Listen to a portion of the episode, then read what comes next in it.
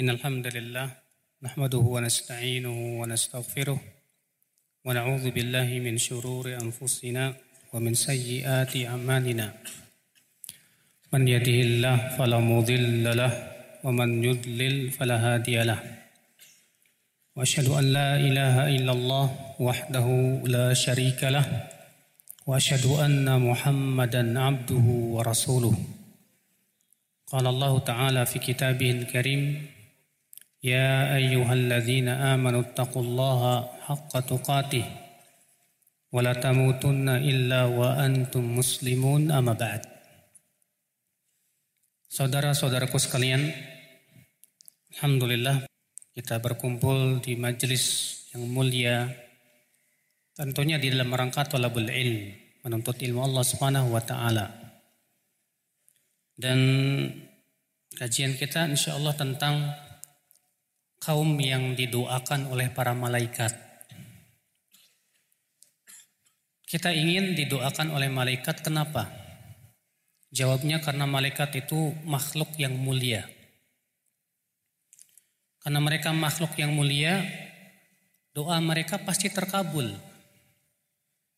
Maka orang-orang yang didoakan malaikat itu pasti memiliki keistimewaan di sisi Allah Subhanahu wa taala. Siapa mereka-mereka yang didoakan oleh malaikat? Yang pertama, setiap orang yang beriman, bertaubat dan mengikuti jalan Allah dan Rasulnya. Siapa pun dia, orang yang beriman, bertaubat dan mengikuti jalan Allah dan Rasulnya akan mendapatkan doa malaikat yang paling mulia. Yaitu malaikat pemikul arash. Dalilnya surat Ghafir. Surat Ghafir ya, ayat 7. Allah Ta'ala berfirman, Alladzina yahmiluna al-arsha wa man hawlahu yusabbihuna bihamdi rabbihim wa yu'minuna bihi wa yastaghfiruna lilladzina amanu Rabbana wasi'ta kulla syai'in rahmatan wa ilma. Faghfir lilladzina tabu wattaba'u sabilaka waqihim adzabal jahim. Malaikat-malaikat yang memikul arash dan malaikat-malaikat yang ada di sekitar arash mereka bertasbih memuji Allah dan beriman kepada Allah dan mereka memohonkan ampunan untuk orang-orang yang beriman seraya mereka berkata wahai Tuhan kami Ilmu dan rahmatmu mencakup segala sesuatu. Maka ampunilah orang-orang yang bertaubat dan mengikuti jalanmu dan pelihara mereka dari adab api neraka. Subhanallah. Ini doanya malaikat pemikul arash. Tahu nggak? Malaikat pemikul arash itu malaikat terbesar yang Allah ciptakan. Ya, disebutkan dalam hadis riwayat Imam Ahmad Kata Rasulullah, "Udina li an uhadditsakum an malakin min hamalatil arsh." Aku diizinkan oleh Allah untuk menceritakan bagaimana besarnya malaikat pemikul arash. Ma baina syahmati udunaihi ila atiqihi masirat sab'i mi'at am. Jarak antara daging telinga ini, ini nih ya yang dekat yang tempat anting ini nih. Jarak antara daging telinganya kata Rasulullah dengan pundaknya itu 700 tahun perjalanan. Malaikat pemikul aras, subhanallah. Ya dari sini ke sini 700 tahun. Bagaimana dari ujung rambut sampai ujung kaki. Ini malaikat yang sangat besar sekali. Dan mereka memikul makhluk yang paling besar. Apa itu? Arash. Tidak ada makhluk yang lebih besar daripada arash. Di mana Allah bersemayam di atas arash. Ternyata malaikat-malaikat pemikul arash itu Mendoakan siapa? Orang yang beriman, bertaubat, dan mengikuti jalan Allah dan Rasulnya. Makanya bahagia orang yang Allah jadikan ia beriman kepada Allah dan kehidupan akhirat. Dia bertaubat kepada Allah, mengikuti Rasulullah Sallallahu Alaihi Wasallam, mendapatkan doa langsung dari malaikat pemikul arash dan malaikat yang ada di sekitar arash. Subhanallah. Saudara-saudaraku sekalian, maka dari itulah Rasulullah Sallallahu Alaihi Wasallam menganjurkan kita itu untuk banyak-banyak bertaubat. Allah memerintahkan kita juga banyak taubat. Allah mengatakan ya ayyuhalladzina amanu tubu ilallahi taubatan nasuha. Hai orang-orang yang beriman, bertaubatlah kalian kepada Allah dengan taubat yang nasuha. Tuh kata Allah. Apa sih taubat nasuha itu? Kata Imam Nawawi, taubat nasuha itu kalau terpenuhi tiga syarat. Imam Nawawi menyebutkan itu di dalam kitab Riyadus Salihin, babut taubah. Kata beliau, syurutut taubah, syarat daripada taubat itu tiga. Apabila dosa itu antara dia dengan Allah Subhanahu wa taala. Yang pertama apa? Yang pertama an-nadem, menyesali. Tanda orang yang menyesal itu apa, Pak? Tanda orang yang menyesal itu kalau dia mengingat dosanya, aduh, risih rasanya di hati dia. Beda ya kalau ada orang yang merasa bangga, eh saya dulu pernah jadi preman loh. Wah, kalau disebutin, oh saya dulu pernah mabuk-mabukan. Dia sebutkan dengan bangganya. Kata para ulama ini orang belum taubat. Sebab ciri taubat itu kalau dia mengingat dosanya, dia merasa apa? Merasa risih, gak enak, gak mau dosanya diketahui oleh orang banyak, gak mau. Maka Syarat yang pertama orang yang bertobat itu yaitu menyesal. Yang kedua, al-iqla' anil zambi kata Imam Nawawi. Dia tinggalkan dosa tersebut. Yang ketiga, al-azmu ala alla yauda ilaih. Dia bertekad bulat. Dia tidak ingin kembali lagi ke dunianya yang lalu. Pokoknya saya mau hijrah. Saya mau tobat. Saya tidak mau lagi balik lagi ya ke dunia saya yang lalu yang penuh maksiat ya kemudian dia berusaha istiqomah maka dari itulah ikhwatul Islam azani Allah wa yakum ya orang-orang yang beriman yang bertaubat dan mengikuti jalan Allah dan Rasulnya didoakan oleh malaikat pemikul arash Alhamdulillah cuma masalahnya Pak mempertahankan taubat ini nggak mudah Iya nggak Pak Iya. Yang namanya seton itu terus menggoda kita itu.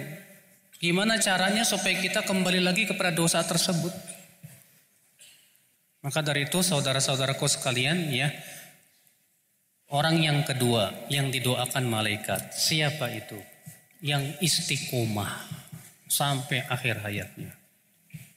Ya, itu dalam surat Fusilat. Allah menyebutkan di dalam surat Fusilat ayat 33. Ayat 30. Allah berfirman, "Innal ladzina qalu rabbuna Allah thumma istaqamu tatanazzalu alaihimul malaikatu alla takhafu wa la tahzanu wa abshiru bil jannati allati kuntum tu'adun." Nahnu awliya'ukum fil hayatid dunya wa fil akhirah. Walakum fiha ma tashtahi anfusukum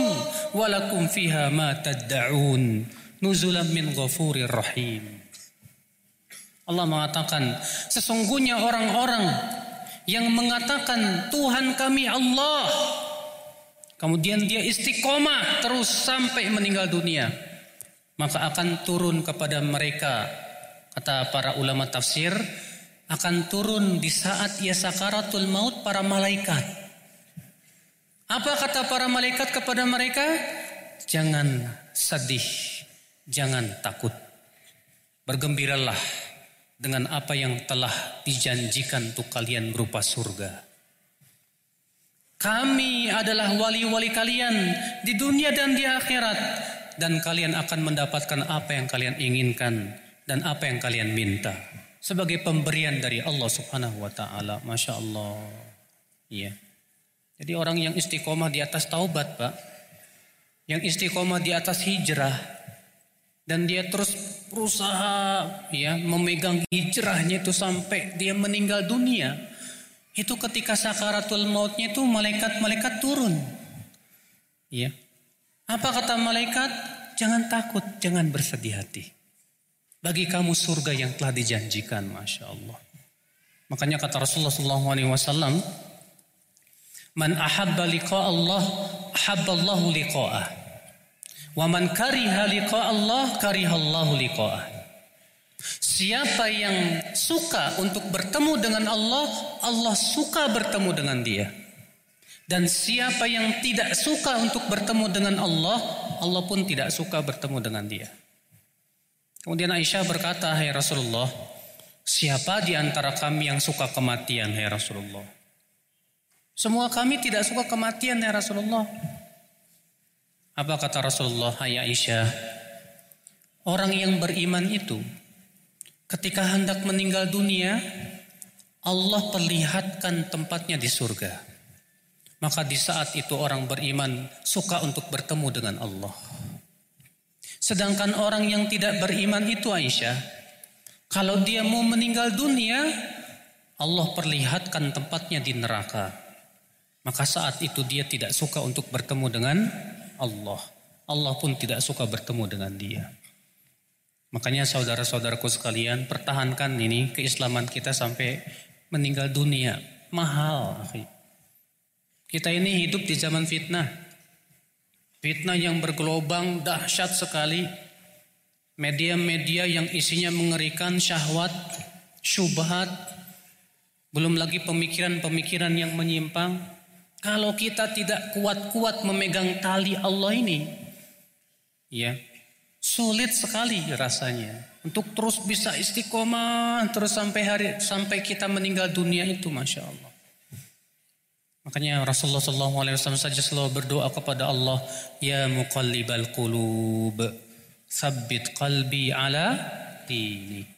Wahai yang membolak-balikan hati, kuatkan hatiku di atas agamamu. Nah ini saudara-saudaraku sekalian yang keberapa itu? Yang kedua, jadi yang didoakan oleh malaikat yang pertama siapa?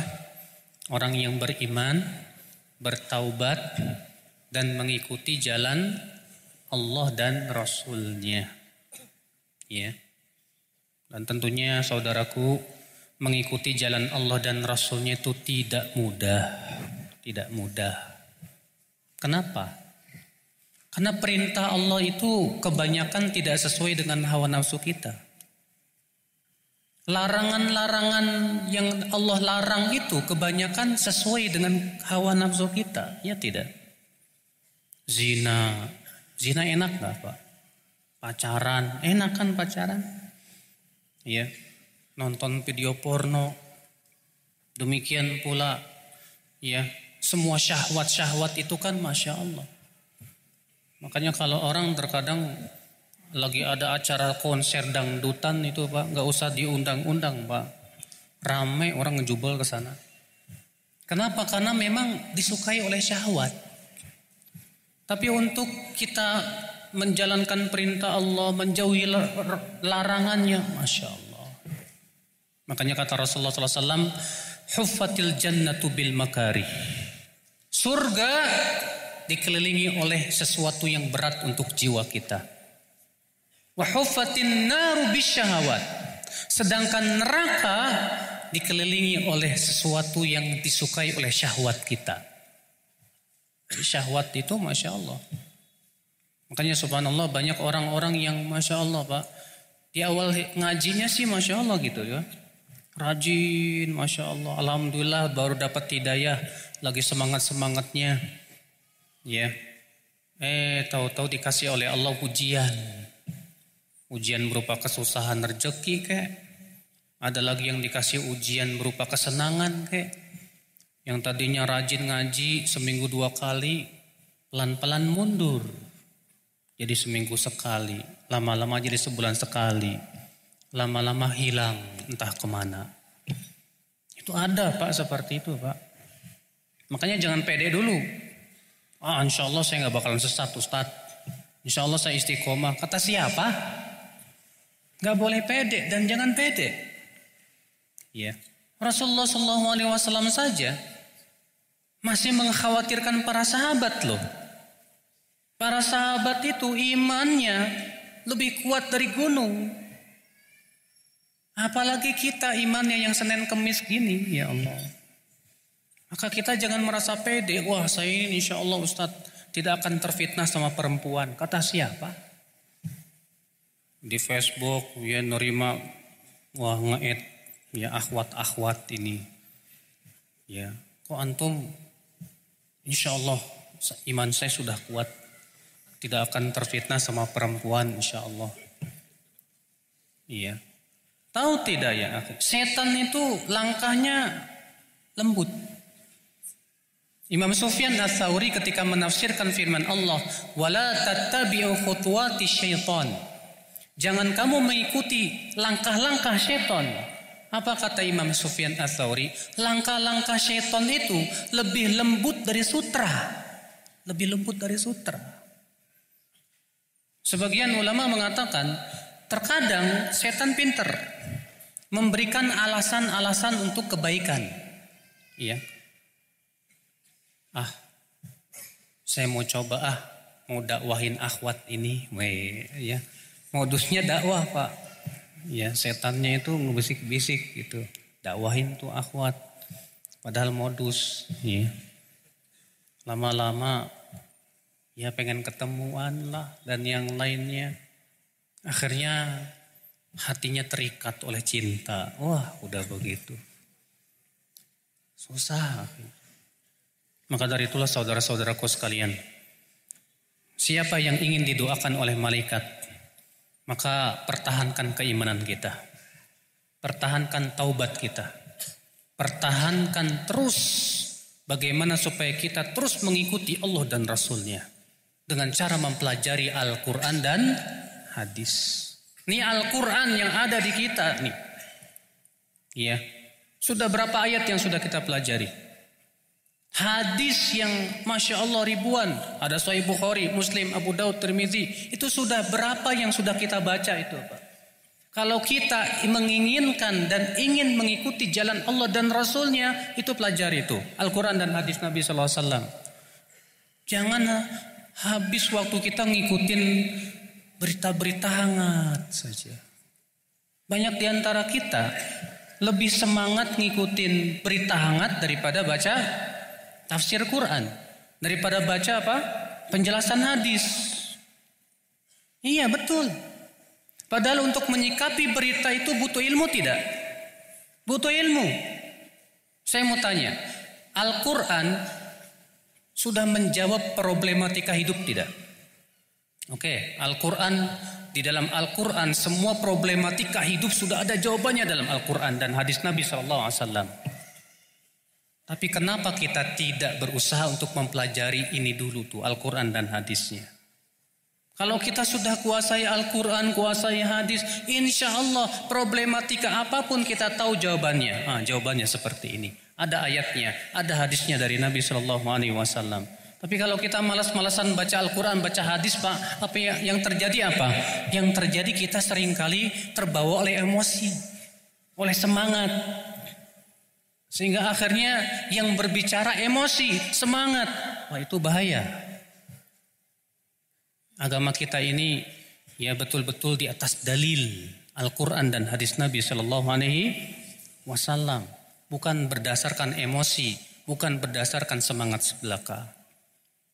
Nah ini yang kedua, satu dan dua, ya orang-orang yang didoakan oleh para malaikat. Siapa lagi? Yang ketiga, itu orang yang duduk di masjid menunggu sholat. Orang yang duduk di masjid menunggu sholat. Disebutkan dalam hadis Pak, yang dikeluarkan oleh Muslim dan yang lainnya, Rasulullah Shallallahu Alaihi Wasallam bersabda, Salatul rajul fil jama'ati tafdulu ala salatihi fi baitihi wa fi suqihi bisab'in wa fi riwayatin bi khamsin wa ishrina darajah. Salatnya seseorang berjamaah di masjid lebih baik daripada salatnya dia di rumah dan di pasarnya 27 dalam satu riwayat yang banyak 25 kali lipat. Masya Allah. Wadhalika annahu idza tawaddu'a fi baitih kata Rasulullah. Yang demikian itu apabila dia berwudu di rumahnya. Jadi wudunya di mana Pak? Di rumah bukan di masjid. Banyak orang yang ah, nanti aja wudunya di masjid. Salah. Sunnahnya wudu itu di mana? Di rumah. Kata Rasulullah, "Wa dzalika annahu idza tawaddaa fa ahsana wudu'ahu." Lalu ia memperbagus wudunya. Thumma kharaja ilal masjid la yanhazu illa shalah. Kemudian ia keluar menuju masjid, tidak ada niat kecuali sholat. Jadi pergi ke masjidnya ngapain? Sholat. Bukan mau janjian, mas. Kalau janjian nggak dapat pahalanya. Tidak ada yang mengeluarkan kecuali sholat. Lam yahtu khutwah. Tidaklah ia melangkah satu langkah pun juga kecuali illa rufi'at biha darajah. Wa anhu biha khati'ah. Kecuali Allah akan angkat satu derajat dan Allah gugurkan satu dosa. Satu langkah. Bayangkan. Rumah kamu ke masjid berapa meter? 100 meter. Satu meternya berapa langkah? Dua langkah. Berarti sebalik berapa? 200. Alhamdulillah. Ya. Pulangnya berapa? 200. Satu sholat 400. Lumayan. Dikali lima tuh Pak. 400 kali lima berapa? 2000 Alhamdulillah Satu hari 2000 Ya Masya Allah Ya Kemudian Rasulullah melanjutkan hadis itu Apa kata Rasulullah Fa'idha dakhala al-masjid Kana fis salah Ma kanatis salah ya tahbisu Apabila ia masuk masjid Ia mendapatkan pahala solat selama ia duduk menunggu sholat. Jadi selama kita nunggu sholat dapat pahala sholat. Wal malaikatu yaqulun dan para malaikat berdoa. Allahumma lahu. Allahumma arhamhu. Ya Allah ampuni dosa dia ya Allah. Ya Allah rahmati dia ya Allah. Malam yuhdis fih selama belum berhadas kata Rasulullah. Tapi kalau udah kentut ya Malaikat nggak doain lagi. Terus gimana dong? Ya keluarlah, wudhu lagi. Masuk lagi biar dapat doa malaikat. Malam yuk fi kata Rasulullah. Dan selama dia tidak menyakiti orang lain di masjid. Jangan menyakiti hati orang lain pak. Di masjid kita terkadang baca Quran kencang-kencang yang saudaranya nggak nggak khusyuk gara-gara baca Quran kita yang kencang itu. Akhirnya ganggu. Orang kayak ginian gak didoain malaikat tuh. Ya.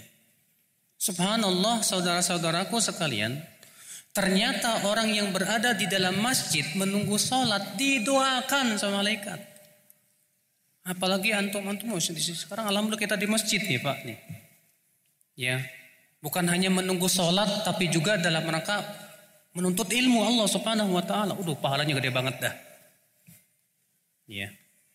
Kata Rasulullah, "Man goda ilal masjid Auroha. Siapa yang pergi ke masjid di waktu pagi ataupun sore. La yuridu illa an yata'allama khairan.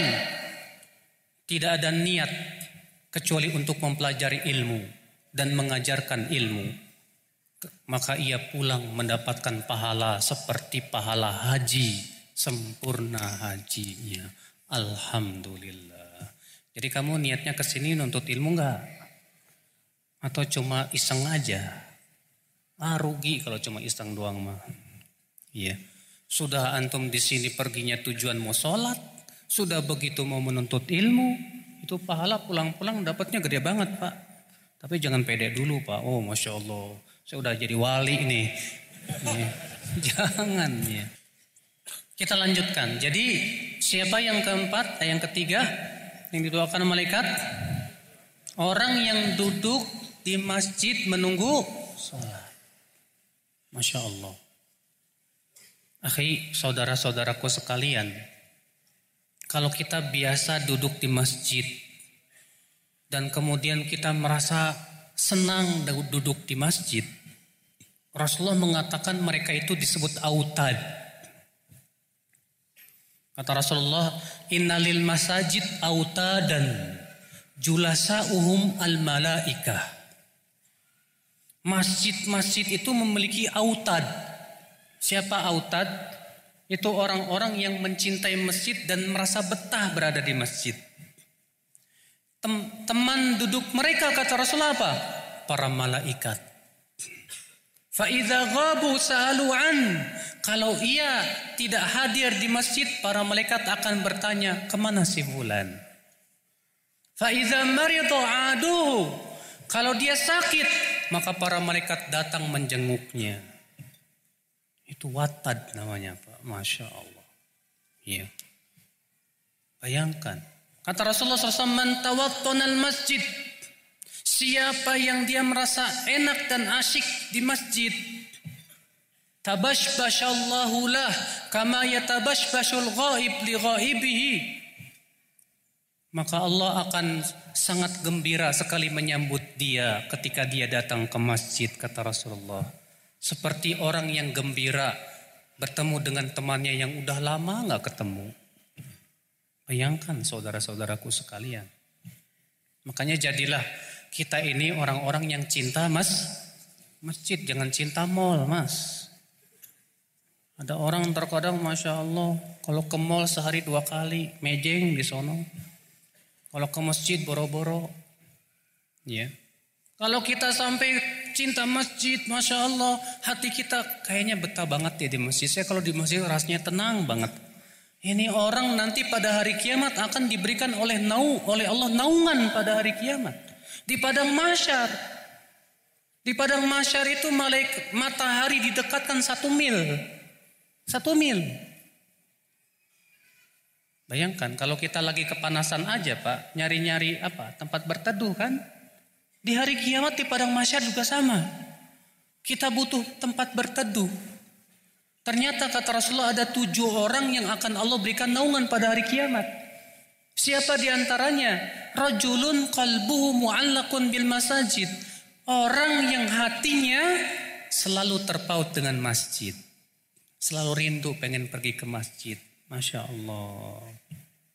Dan ingat, orang yang selalu pergi ke masjid itu sudah langsung dapat jaminan dari Allah bahwa dia akan hidup dalam keadaan baik dan wafat pun dalam keadaan baik. Hadisnya sahih dari Imam Ahmad dalam musnadnya. Rasulullah SAW sabda, Ra'aitu Rabbi al-barihata fi ahsani suratin. Tadi malam, aku bermimpi melihat Allah dalam bentuk yang indah sekali, kata Rasulullah. Faqala li, maka Allah pun berfirman kepadaku, Ya Muhammad, atadri fima yahtasimu fihi mala'ul a'la? Hai Muhammad, tahukah kamu apa yang sedang diperbincangkan oleh malaikat yang ada di langit sana? Fakultu la adri ya Rabb. Aku berkata, aku tidak tahu ya Allah. Fawadhu'a kaffahu baina katifai hatta wajadtu burdaha baina sadiyai. Kata Rasulullah, maka Allah pun meletakkan telapak tangannya di antara dua pundakku sehingga aku merasakan dinginnya di antara dua dadaku. Fa'alimtu ma fis sama'i wal ard. Aku pun tahu apa yang terjadi di langit sana, apa yang terjadi di bumi. Faqala li, lalu Allah kembali berfirman, Atadri fima yahtasimu fihi mala'ul a'la. Tahukah kamu apa yang sedang diperbincangkan oleh malaikat yang ada di langit? Kata Rasulullah, "Na'am, aku tahu ya Allah." Fil kafarati wad darajat. Tentang amalan yang menggugurkan dosa dan amalan yang mengangkat derajat. Apa itu? Kata Rasulullah, masyul aqdami ilal jamaat. Berjalan kaki menuju sholat berjamaah. Wantidhar sholawati ba'da sholawat. Menunggu satu sholat sampai sholat berikutnya di masjid. Wa isbagul wudu indal makruhat. Dan menyempurnakan wudu di saat sulit. Ketika dingin banget. Ketika kita sedang sakit. Kita berusaha untuk sempurnakan wudu kita. Maka Allah berfirman, Sodakta ya Muhammad. Benar sekali apa yang kamu ucapkan itu hai Muhammad. Faman fa'ala dzalika asha bi khairin wa mata bi khairin wa kana min khati'atihi ya kayaumi waladatu ummu subhanallah Siapa yang melakukan tiga perkara tadi, ia akan hidupnya baik, wafatnya baik, dan dia akan bersih dari dosanya seperti dilahirkan oleh ibunya. Masya Allah. Apa tiga tadi itu Pak? Berjalan ke ngapain? Sholat berjamaah. Yang kedua apa? Menunggu sholat sampai sholat berikutnya di mana? Di masjid. Yang ketiga apa? Menyempurnakan wudhu di saat-saat sulit. Subhanallah ya akhi. Allah mengatakan siapa yang melakukan itu, ia hidupnya baik, wafatnya apa? Siapa di antara kita yang ingin wafatnya husnul khatimah? Semua kita kan pengen. Semua kita pengen. Maka ini jaminan. Kalau kita pengen wafat husnul khotimah, jadilah orang-orang yang suka memakmurkan masjid. Makmurkan masjid itu. Ya. Nah, saudara-saudaraku sekalian. Nah, ini yang keberapa? Hah? Yang ketiga, bukan keempat. Sekarang yang keempat, yang tadi yang ketiga. Yang keempat, Siapa yang didoakan malaikat? Itu orang-orang yang berilmu tentang Al-Quran dan hadis. Orang-orang yang berilmu didoakan bukan cuma oleh malaikat, Pak. Semua penduduk bumi, penduduk langit, sampai-sampai ikan, sampai-sampai apa? Semut mendoakan orang-orang yang berilmu. Hadisnya sahih dari Imam Ahmad dalam musnadnya atau Hasan. Kata Rasulullah SAW, wa inna man fis samawati wa man fil ardi hatta al-hitan fil ma ya fil bahr wa hatta an-namlah fi juhriha la yastaghfiru lil alim afiratin lil alim wal muta'allim Sesungguhnya yang ada di langit dan di bumi Sampai-sampai ikan di lautan. Sampai-sampai semut di lubangnya. Memohonkan ampunan untuk orang-orang yang berilmu. Dalam satu riat, untuk orang-orang yang berilmu dan menuntut ilmu. Masya Allah. Subhanallah. Bayangkan Pak. Jadi orang yang berusaha nuntut ilmu nih. Orang yang berilmu didoakan oleh yang ada di langit. Yang ada yang ada di langit siapa? Ya malaikat. Yang ada di bumi semuanya. Binatang-binatang, pepohonan, sampai-sampai ikan di lautan. Apa itu? Semut, Masya Allah. Bebatuan dan yang lainnya. Semuanya mendoakan orang yang seperti itu. Masya Allah. Makanya jadilah kamu orang alim atau setidaknya jadilah kamu orang muta'alim. Alim itu orang yang berilmu, Muta'alim itu artinya penuntut ilmu. Jangan jadi yang ketiga. Enggak alim, enggak mau nuntut ilmu. Bodoh. Ya. Maka dari itu saudara-saudaraku sekalian. Siapa saja yang ingin mendapatkan doa malaikat. Bahkan bukan cuma malaikat yang mendoakan. Semua yang ada di bumi. Ayo kita ramaikan majelis taklim. Ya. Yeah. Majelis ilmu. Apa sih majelis ilmu itu Pak? Majelis ilmu itu adalah majelis yang dipelajari padanya Al-Quran dan Hadis karena disebut ilmu itu apabila berasal dari Al-Quran dan hadis. Makanya Imam Syafi'i rahimahullah ketika mendefinisikan ilmu kata Imam Syafi'i apa? Al ilmu maka nafihi qala haddatsana wa ma siwa dzalika wiswasu syayatin tuh kata Imam Syafi'i. Ya. Ilmu itu yang disebutkan padanya haddatsana. Haddatsana itu biasanya dipakai oleh para ahli hadis ya untuk mengungkapkan tentang sanad yang bersambung sampai Rasulullah Sallallahu Alaihi Wasallam. Ya. Kata Imam Syafi'i apa? Ilmu itu yang disebutkan padanya haddatsana. Selain itu hanyalah waswas setan. Arti maksud Imam Syafi'i apa? Ilmu itu adalah yang sejalan dengan Al-Quran dan hadis. Yang tidak sejalan dengan Al-Quran dan hadis bukan ilmu namanya Pak. Kalau kita misalnya belajar fisika, dipelajari di situ katanya manusia berasal dari monyet. Emangnya sesuai dengan Al-Quran dan hadis keyakinan seperti itu Pak? Siapa yang ngaku berasal dari monyet? Saya nggak mau Pak. Maaf saja. Ya kalau saya beriman keturunan Nabi Adam, kalau situ ngaku keturunan monyet ya silakan aja. Cuma masalahnya itu tidak sesuai dengan Al-Quran dan hadis Nabi Shallallahu Alaihi Wasallam. Semua ilmu yang tidak sesuai dengan Al-Quran dan hadis itu kata Imam Syafi'i hanya was-was setan saja.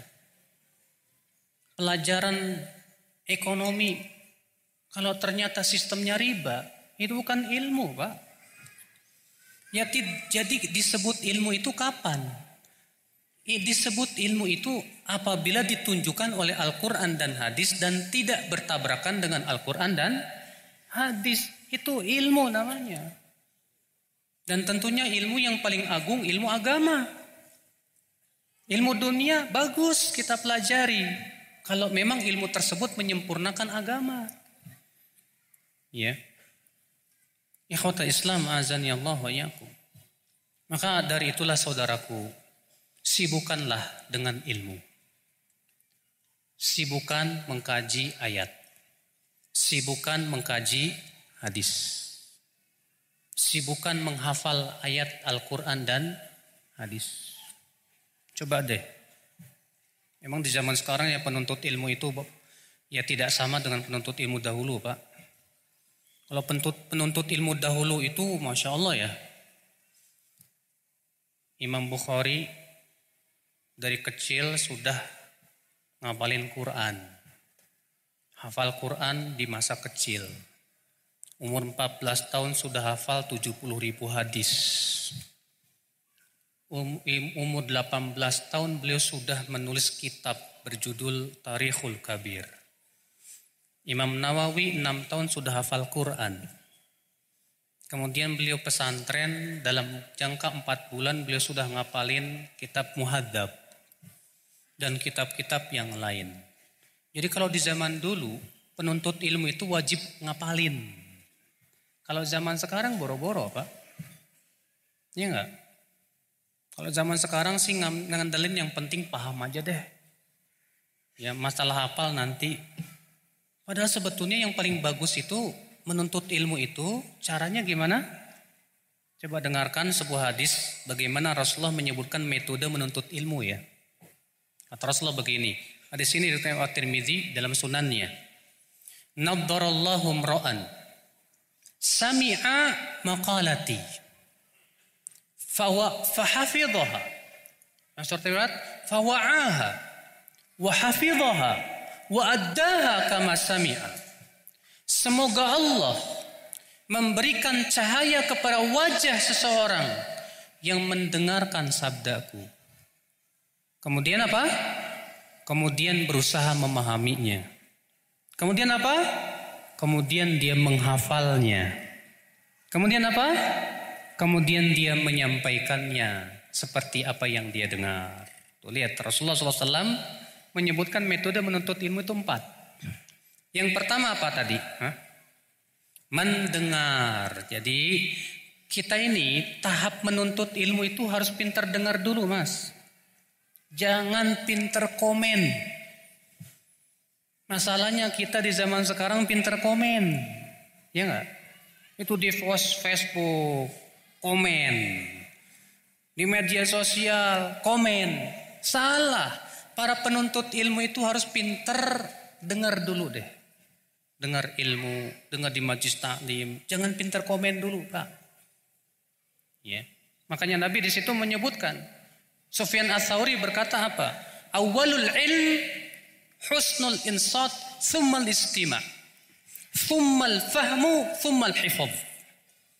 Ilmu yang pertama adalah pintar diam mendengar. Tuh. Jadi ilmu yang pertama apa? Pintar diam mendengar. Baru kemudian apa? Memahami. Baru kemudian apa? Menghafal. Sudah masuk Isya, Alhamdulillah. Oke baik, Insya Allah kita lanjut habis Isya ya. Assalamualaikum warahmatullahi wabarakatuh. Assalamualaikum warahmatullahi wabarakatuh. Alhamdulillahi rabbil alamin. Wassalatu wassalamu ala ashrafil anbiya wal mursalin. Wa sahbihi wa man tabi'ahum bi ihsanin ila yamiddin. Asyhadu an la ilaha illallah wahdahu la syarika lah wa asyhadu anna Muhammadan abduhu wa rasuluhu amma ba'd. Buat yang mau ada pertanyaan dipersiapkan aja ya pertanyaannya dengan kertas. Tadi kita sudah sebutkan berapa? Yang keempat ya. Siapa mereka? Orang yang menuntut ilmu dan berilmu. Itu yang mendoakan bukan cuma malaikat, Mas. Tapi pepohonan, hewan-hewan, bebatuan, itu semua mendoakannya. Kemudian selanjutnya, yaitu orang yang mendoakan temannya dari kejauhan. Ya, karena disebutkan dalam hadis Surat Ahmad dan yang lainnya, Imam Trimidi, orang yang mendoakan temannya dari kejauhan, malaikat akan berkata apa? Amin. Walaka bimithl.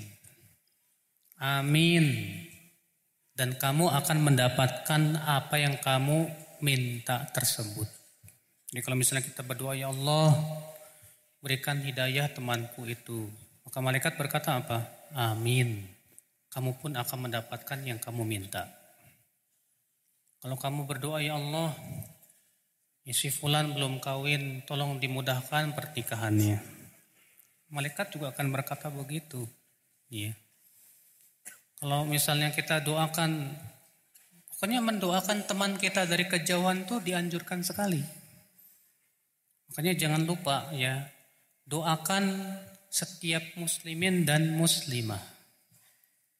Dan satu hadis yang hasan, Rasulullah mengatakan siapa manistaghfara li mu'minin wa mu'minatin Siapa yang memohonkan ampunan untuk mukmin dan mukminah, maka dia mendapatkan kebaikan dari setiap mukmin dan mukminah tersebut satu kebaikan. Oh.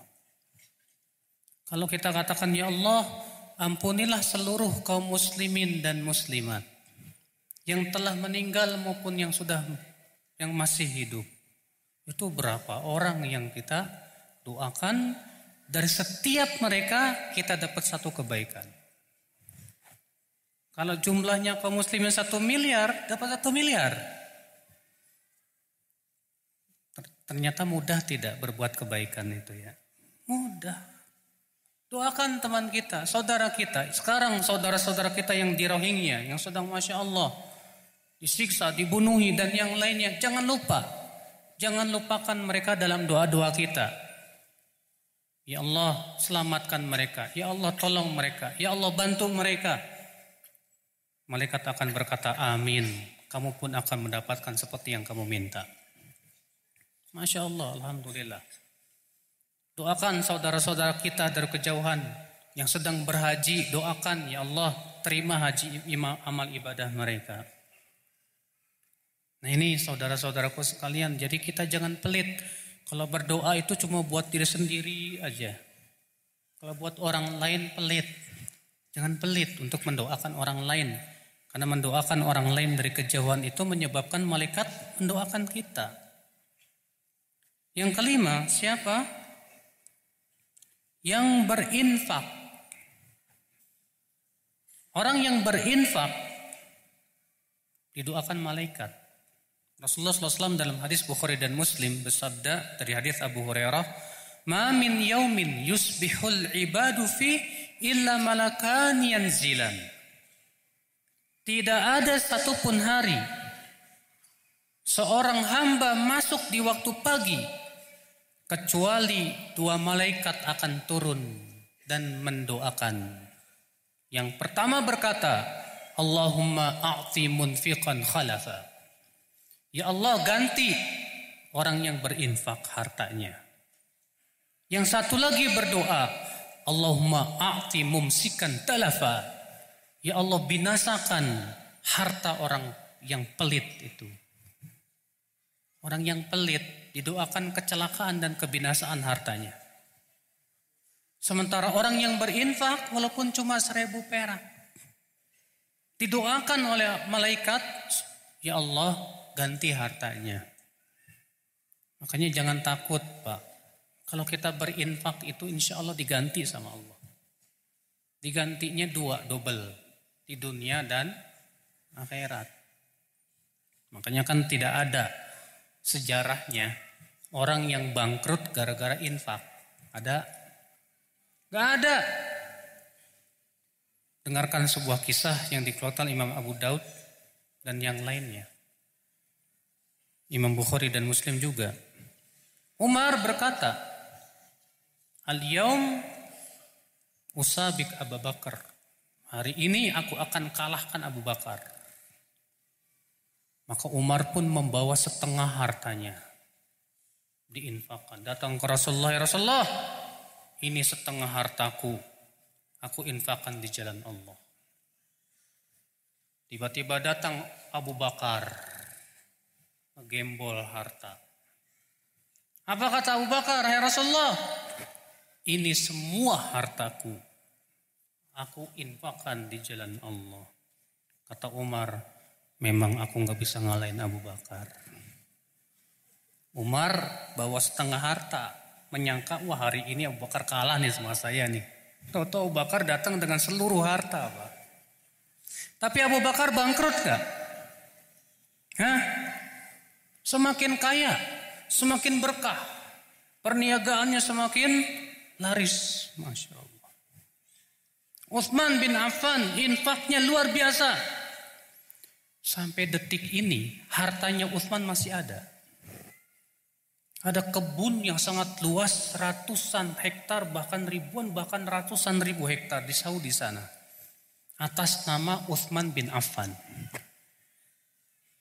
Di mana kurmanya itu yang sampai ke negeri-negeri Islam tuh dari dari sana itu.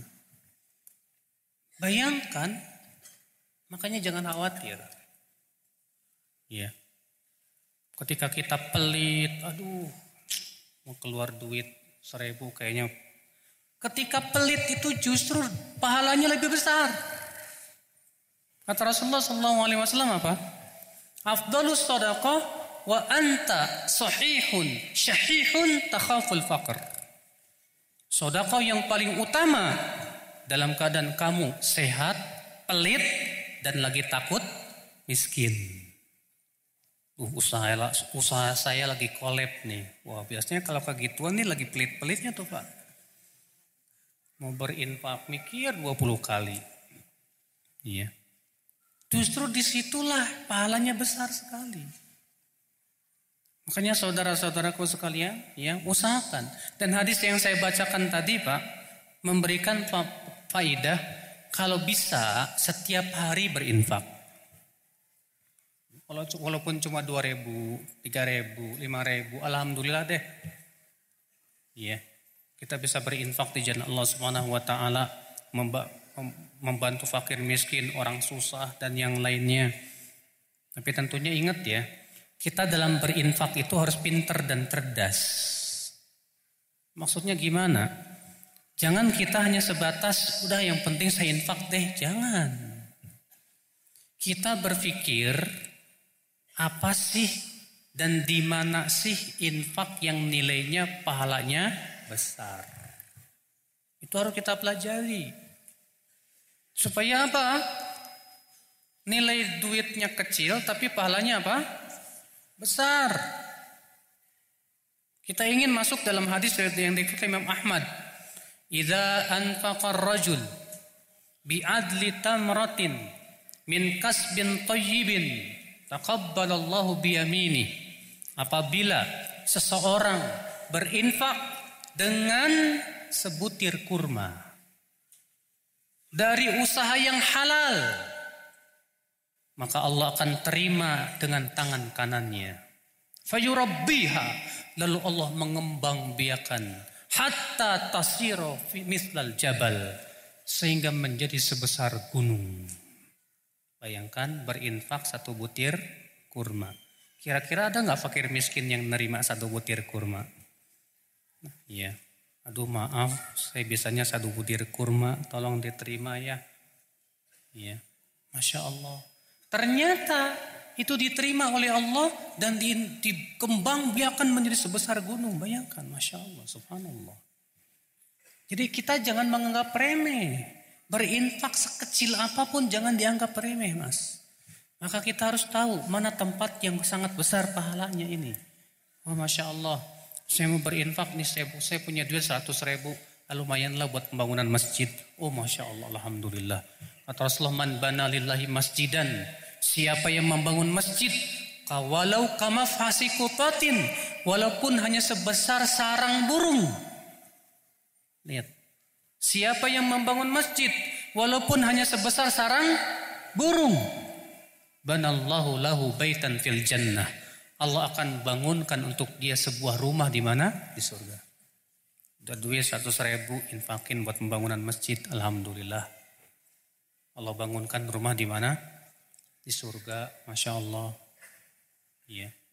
Memperhatikan orang para janda dan fakir miskin. Kata Rasulullah pahalanya sama dengan jihad. Pahalanya sama dengan apa? Jihad sama dengan sholat terus menerus puasa terus menerus, masya Allah, alhamdulillah. Nah, subhanallah, saudara-saudaraku sekalian, inilah di antara amal-amal atau orang-orang yang didoakan oleh siapa? Para malaikat. Maka dari itu berlomba-lombalah saudara-saudaraku sekalian ya untuk berusaha mengamalkan hal-hal yang telah disebutkan tadi. Dan kita buka tanya jawab. Ustadz, bagaimana cara menasihati kaum lelaki? Wah ini kayak pertanyaan akhwat nih. Yang masih suka nonton musik Korea. Waduh. Karena wanitanya cantik-cantik Ustaz. Sedangkan orang yang akan dinasihat itu akidah dan tauhidnya belum kuat. Jadi gimana dong Ustadz? Apakah saya mengajari tauhid dulu dan akidah dulu Betul. Saya mau tanya, ketika Rasulullah SAW pertama kali berdakwah di kota Mekah, musyrikin Quraisy selain menyembah berhala, mereka makan riba tidak? Makan riba. Zina tidak? Berzina. Mencuri? Mencuri. Membunuh? Membunuh. Maksiat? Iya. Tapi apakah Rasulullah SAW yang pertama kali dakwahkan jangan mencuri. Jangan berzina. Tidak. Imam Bukhari menyebutkan dalam sahihnya dari hadis Aisyah, Aisyah mengatakan apa? Adalah yang pertama kali turun dari Al-Quran tentang surga dan neraka. Kalaulah yang pertama kali turun dari Al-Quran, jangan mencuri. Kami tidak akan meninggalkan pencurian. Kalaulah yang pertama kali turun dari Al-Quran, jangan berzina. Kami tidak akan meninggalkan perzinahan. Kenapa? Karena keimanan belum ada. Makanya orang seperti itu jangan langsung to the point. Dakwah dulu akidahnya. Jadikan dulu dia cinta Allah. Jadikan dulu dia takut sama Allah. Insya Allah nanti kalau dia sudah cinta Allah, takut sama Allah, dengan sendirinya ditinggalin. Nggak capek-capek insya Allah. Makanya kan terkadang ya, kalau kita langsung datang ke perempuan yang nggak pakai jilbab, auratnya ke mana-mana, neng, pakai jilbab atuh, ah panas. Iya, soalnya dia nggak sadar kalau neraka lebih panas. Tapi kalau dia diajak mengenal Allah, surga, neraka, udah tahu ternyata neraka panas banget Udah tahu bagaimana indahnya surga. Mulai muncul. Rasa apa? Takut. Lama-lama pakai jilbab. Pak. Insya Allah. Makanya kenapa sih para nabi memulai dakwah dari akidah dulu? Itu karena akidah itu pondasi. Munculnya amal itu dari ha? hati.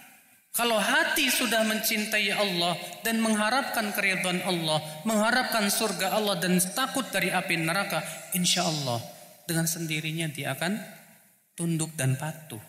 Gampang. Nah itu ya, jadi kalau kita melihat seperti itu, mendingan dina, ajak dulu deh dia untuk mencintai Allah, mentauhidkan Allah, ingatkan tentang surga, neraka. Ya supaya dia mau takut kepada Allah Subhanahu wa taala. Ini pertanyaan banyak amat ya.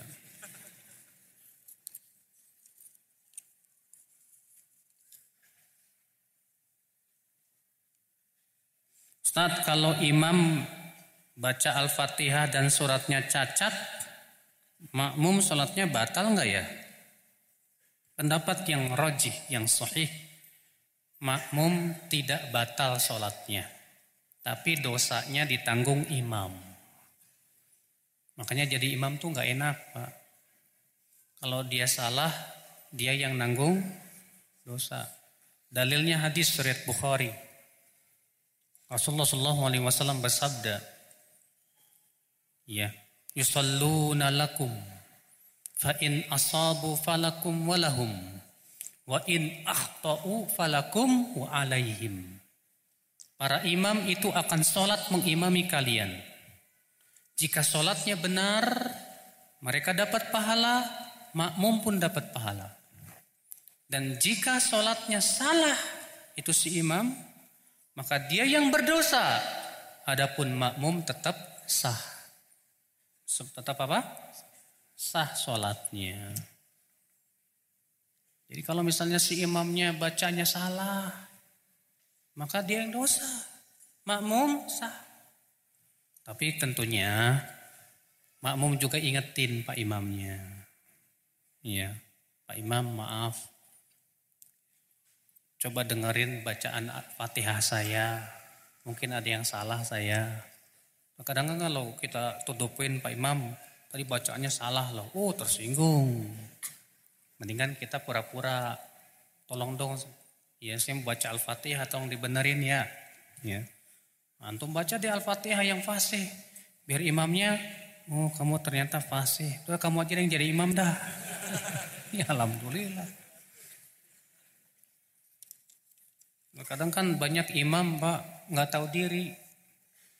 Pokoknya merasa tua, ah saya yang tua dah.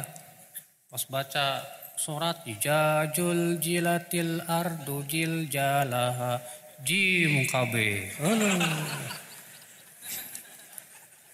Artinya berubah, Pak. Bagaimana makna ayat kunu kirodataan khasyiin. Khasiin kali. Jadilah kera-kera yang hina. Itu ayat untuk Banu Israel. Jadi Banu Israel ketika dilarang untuk berburu di hari Sabtu, mereka bikin cara gimana supaya halal. Caranya gimana? Caranya masang jaring di Jumat sore, ngambilnya di Minggu pagi. Apa kata mereka? Oh kami nggak berburu di hari Sabtu. Namanya otak-otakan.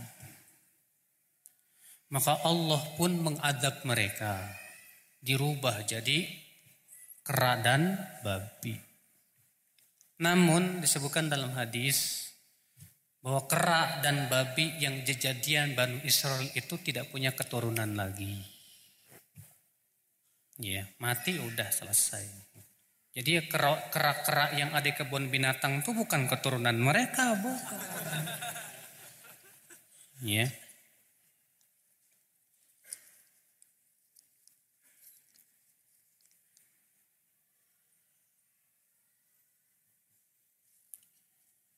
Bagaimana hukumnya pergi ke negeri kafir dikarenakan mereka butuh imam untuk sholat di masjid? Pada asalnya saudaraku, Pergi ke negeri kafir itu dilarang. Kata Rasulullah, "Ana bari min muslim yaskunu fi baina musyrikin." Aku berlepas diri kata Rasulullah dari setiap muslim yang tinggal di negeri kafir. Aku berlepas diri. Kecuali kata para ulama, kalau tujuan kita di sana pertama karena ada hajat, kebutuhan. Seperti nuntut ilmu yang memang ilmu itu tidak ada di negeri Islam dan dibutuhkan oleh kaum muslimin. Seperti berbisnis dan berdagang. Demikian pula di antaranya dalam rangka berdakwah. Nah, dia jadi imam di masjid di sana dalam rangka mensyiarkan Islam, nggak apa-apa. Tapi syaratnya kata Syekh Utsaimin apa? Syaratnya kuat ilmu dan imannya. Jangan sampai sampai sono melihat orang barat telanjang-telanjang jadi ikut telanjang. Nah itu bahaya. Ya. Harus dipersiapkan dulu.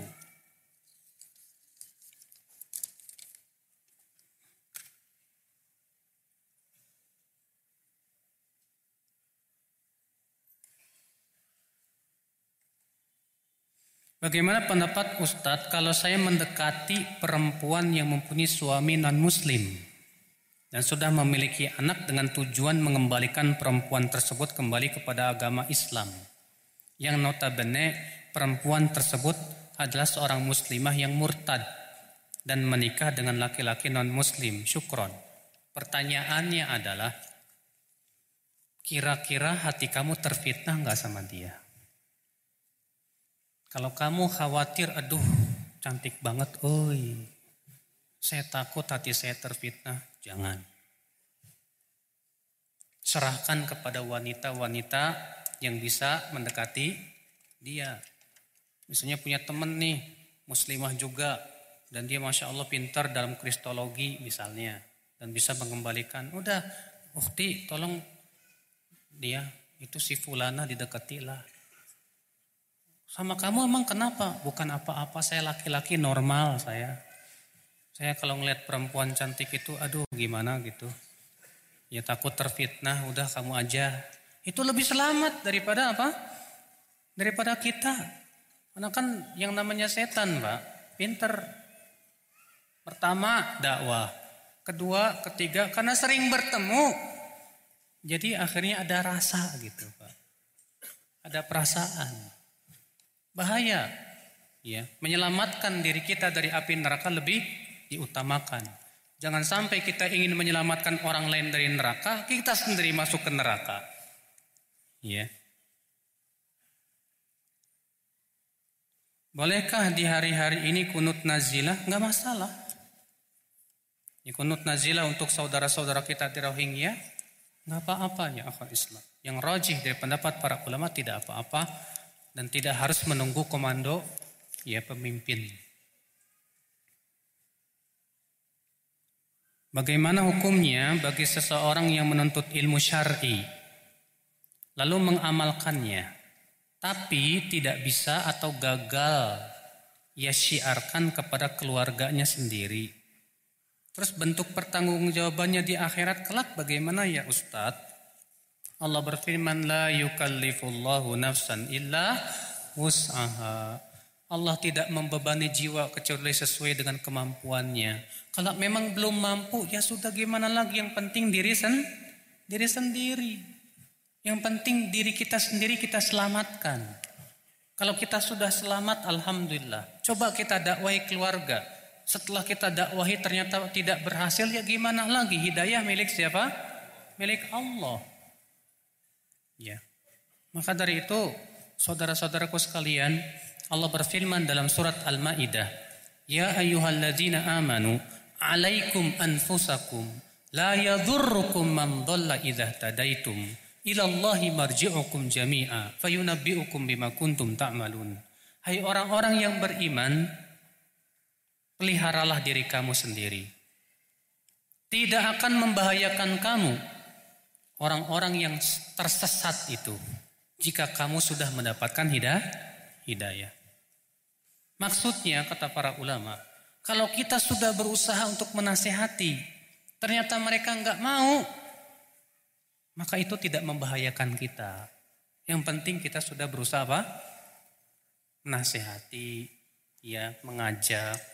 Karena masalah hidayah kan bukan di tangan kita, tapi di tangan siapa? Allah Subhanahu wa taala.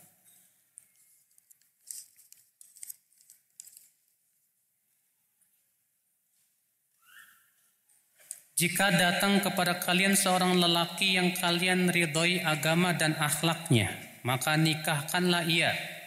Jika tidak, maka akan terjadi fitnah di muka bumi dan kerusakannya besar.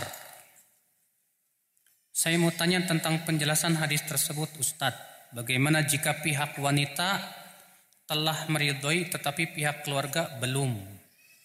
Karena mereka telah tahu agama dan akhlak si lelaki belum berhijrah. Pertama, hadis itu kan jelas apabila datang kepada kamu seorang lelaki yang kalian ridhoi agama dan akhlaknya. Lihat, yang kalian ridhoi agama dan sementara lelaki ini agamanya kurang bagus. Si perempuan mau, tapi keluarga gak membolehkan. Enggak, karena agama laki-laki calon kamu tuh gak bagus maka keluarga punya hak untuk melarang. Kenapa? Karena ini untuk kebaikan si wanita tersebut.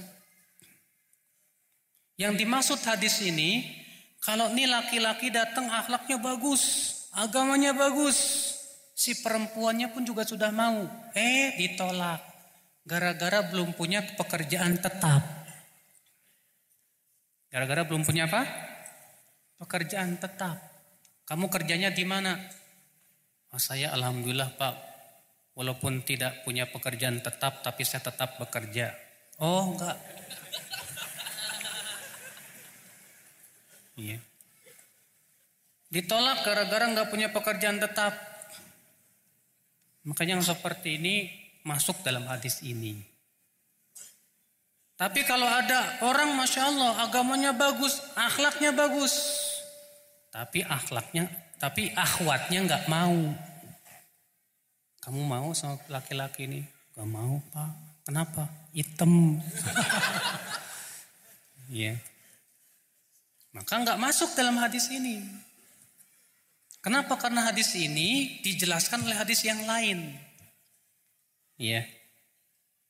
Bahwa al-bikru tustakmar. Seorang gadis itu dimintai perse tujuannya, tusta'dan.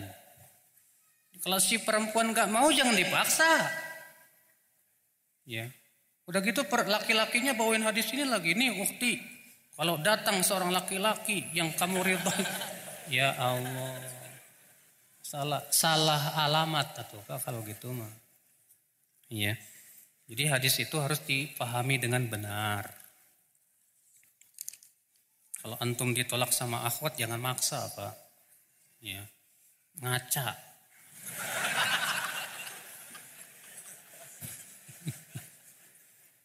Pengen dapat akhwat yang Masya Allah cantik. Sementara wajahnya cuma lima angkanya.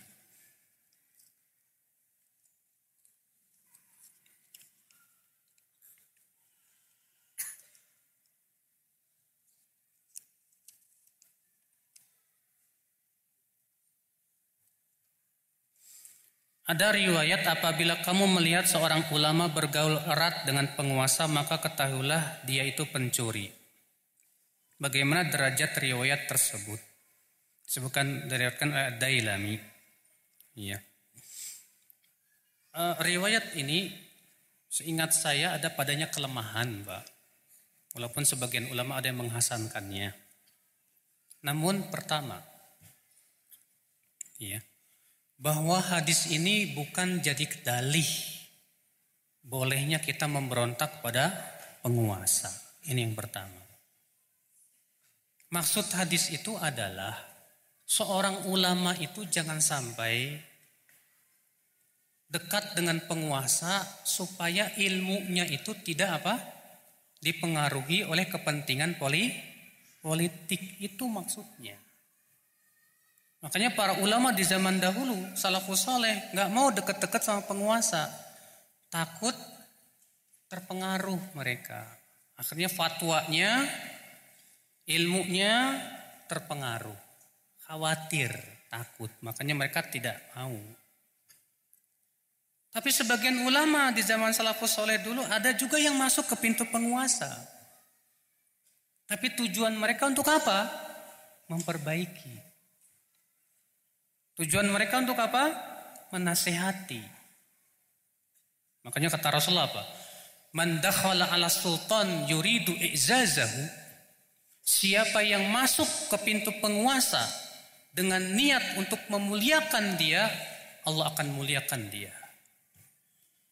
Dan siapa yang masuk ke pintu penguasa dengan niat ingin menghinakan penguasa, maka Allah akan hinakan dia. Lihat Pak, jadi hadis itu jangan diambil satu, buang yang lain. Kumpulkan deh semua hadis yang berbicara tentang menghadapi penguasa. Jadi ya, kalau kita khawatir ini penguasa ini Takut dia itu mempengaruhi agama saya. Seorang ulama harus mempunyai hubungan yang baik dengan penguasa. Kata Sahal bin Abdullah Atusturi, Islam itu seperti burung yang mempunyai dua sayap. Sayap yang pertama penguasa, sayap yang kedua ulama. Kalau dua sayap ini ini apa? Klop, terbang dia jaya insya Allah. Tapi kalau salah satunya nggak kelop, nggak bisa terbang. Itu menunjukkan bahwa penguasa dan ulama itu harus saling menye menyeimbangkan, saling berhubungan. Tapi seorang seorang ulama pun juga jangan sampai ia dipengaruhi oleh penguasa dalam Islam, jangan sampai. Seorang ulama harus tegas. Karena kan biasanya kalau ulama itu deketin penguasa terus takutnya jadi apa Pak? Terpengaruh oleh kepentingan-kepentingan apa? Politik dia itu. Apalagi kan di zaman sekarang. Terkadang kan punya banyak kepentingan apa? Politik.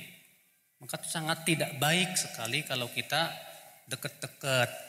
Akhirnya malah mempengaruhi agama dan mempengaruhi dia. Tapi kalau dia mendatangi penguasa untuk memberikan masukan, nasihat, bagus, masya Allah.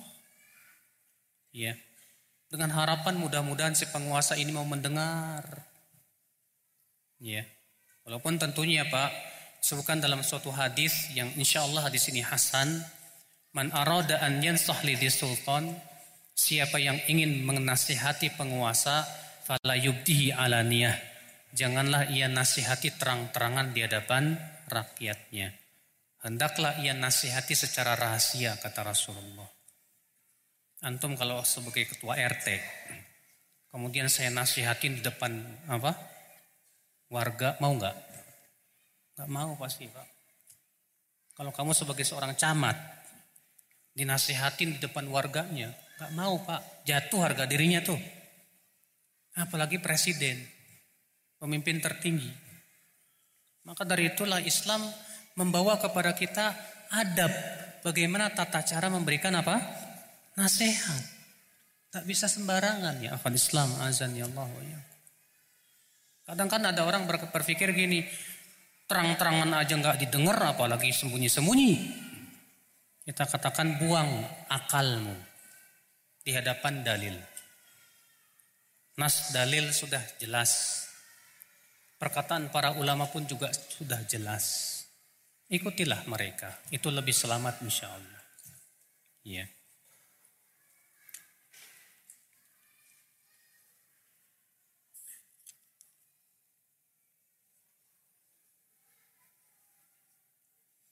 Bisa jelaskan tata cara sholat kosor saat safar dan apakah bisa berjamaah?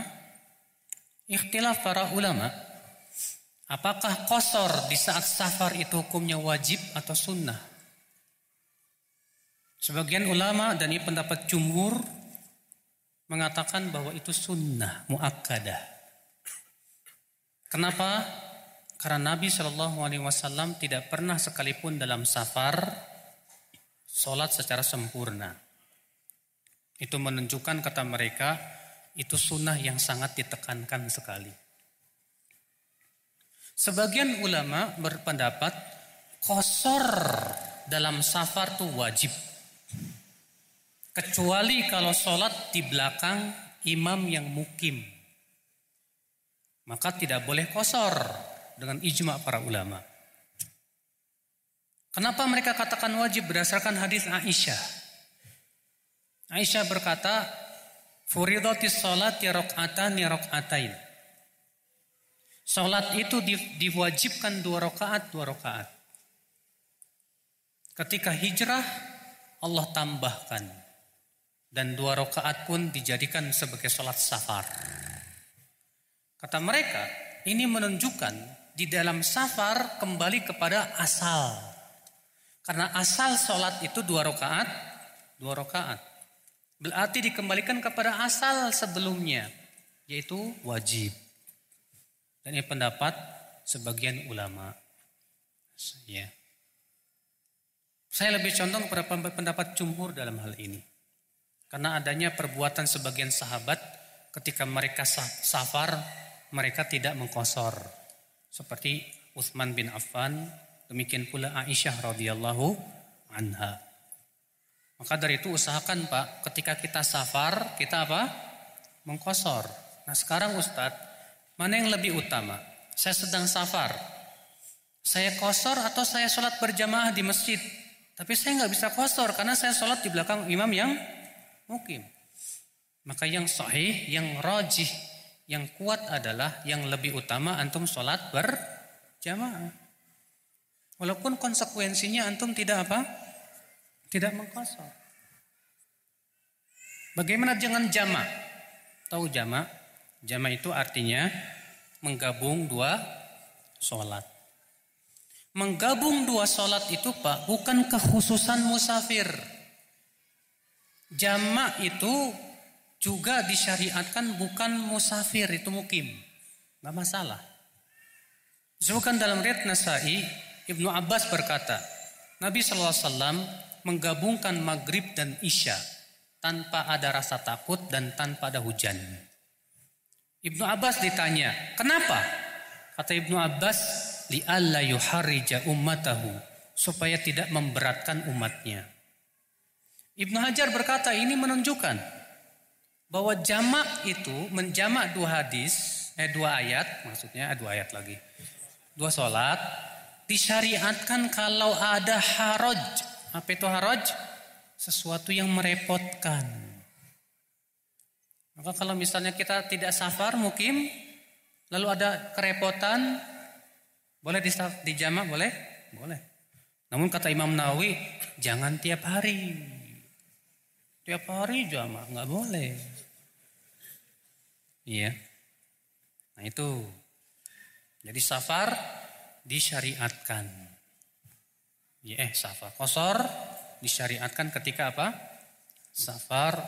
Allahu a'lam. Sampai jam berapa sih? Hah? Udah sampai jam 8 ya? Hah? Lanjut lagi.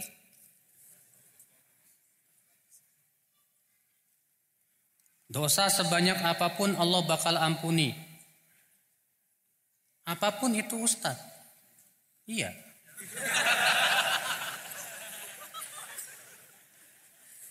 Dalilnya apa Ustaz? Dalilnya hadis. Riwayat Tirmidzi. Allah Ta'ala berfirman dalam hadis Qudsi. Yabna Adam, Lau balagat dhunubuka ananas sama, thumma astaghfartani, ghafartu lak. Wala ubali. Hai anak Adam, kalaulah dosamu memenuhi langit, kemudian kamu minta ampun kepadaku, aku pasti ampuni dosamu. Aku tidak peduli. Tuh lihat. Saya mau kasih PR antum. Tolong cari satu ayat yang menyebutkan ada dosa yang kalau seseorang bertaubat tidak diampuni oleh Allah. Saya jamin sampai kiamat nggak bakalan ketemu pak. Sampai botak nggak bakalan ketemu pak. Bener. Tidak pernah ada dalam Al-Quran dan hadis yang menyebutkan kalau ada hamba yang bertaubat, Allah mengatakan aku tidak ampuni. Tidak. Semua yang bertaubat pasti diampuni. Semua yang minta ampun pasti apa? Diampuni. Asal taubatnya yang benar. Ya. Kalau ada orang bertanya, Ustadz, saya gimana ya Ustadz ya? Saya taubat, jatuh lagi ke dosa. Saya tobat lagi, jatuh lagi ke dosa. Saya tobat lagi, jatuh lagi ke dosa. Gimana ya Ustadz ya? Bingung saya. Maka saya jawab, itulah sifat seorang mukmin. Loh kok bisa begitu? Iya. Siapa mukmin yang tidak pernah berbuat dosa? Ayo. Hah? Setiap hari kita berbuat dosa tidak? Ya. Nabi sendiri yang mengatakan, "Innal mu'min khuliqa muftanan." Ya, tawaban, nasiyan, idza dzukir dzakar. Seorang mukmin itu tak lepas dari dosa. Tapi ia selalu bertaubat kepada Allah. Ia suka lalai. Tapi kalau diingatkan segera ingat, itu mukmin. Jadi, ya, kalau kita sekarang berbuat dosa lalu kita taubat, alhamdulillah. Yang mengerikan itu kalau kita berbuat dosa ternyata tidak di, tidak diberikan hidayah untuk taubat, Pak. Itu yang ngeri tuh, Pak. Udah gitu bangga lagi dengan maksiatnya. Uh, bangga bisa mabuk sampai lima gelas. Misal begitu. Itu bahaya sekali, akhi. Tapi kalau kita berbuat dosa, tapi ingat ya, beda. Orang yang berbuat dosa karena terbawa oleh hawa, nafsu dan syahwat. Dengan orang yang berbuat dosa karena sombong yang ada di hatinya. Kalau yang pertama tadi, berbuat dosa karena terbawa oleh syahwat, biasanya lebih mudah taubat Pak. Sedangkan yang kedua tadi, Orang yang berbuat dosa karena sombong, sulit taubatnya Pak. Makanya iblis sampai detik ini taubat enggak? Enggak. Kalau iblis taubat diterima enggak sama Allah taubatnya? Pasti diterima. Tapi masalahnya enggak ada dalam kamus iblis itu taubat. Enggak mau dia. Kenapa? Sombong. Makanya orang yang bermaksiat karena kesombongan itu rata-rata tidak tidak taubat. Sallallahu wal afiyah. Semoga Allah menyelamatkan kita dari kesombongan. Saya kira cukup dulu sampai di sini ya. Mudah-mudahan yang saya sampaikan bermanfaat. Dan mudah-mudahan kalau ada waktu yang akan datang kita bisa bertemu lagi. Wabillahi taufik. Subhanakallah bihamdik. Asyhadu an la ilaha illa an. Ilaik. Wassalamualaikum warahmatullahi wabarakatuh.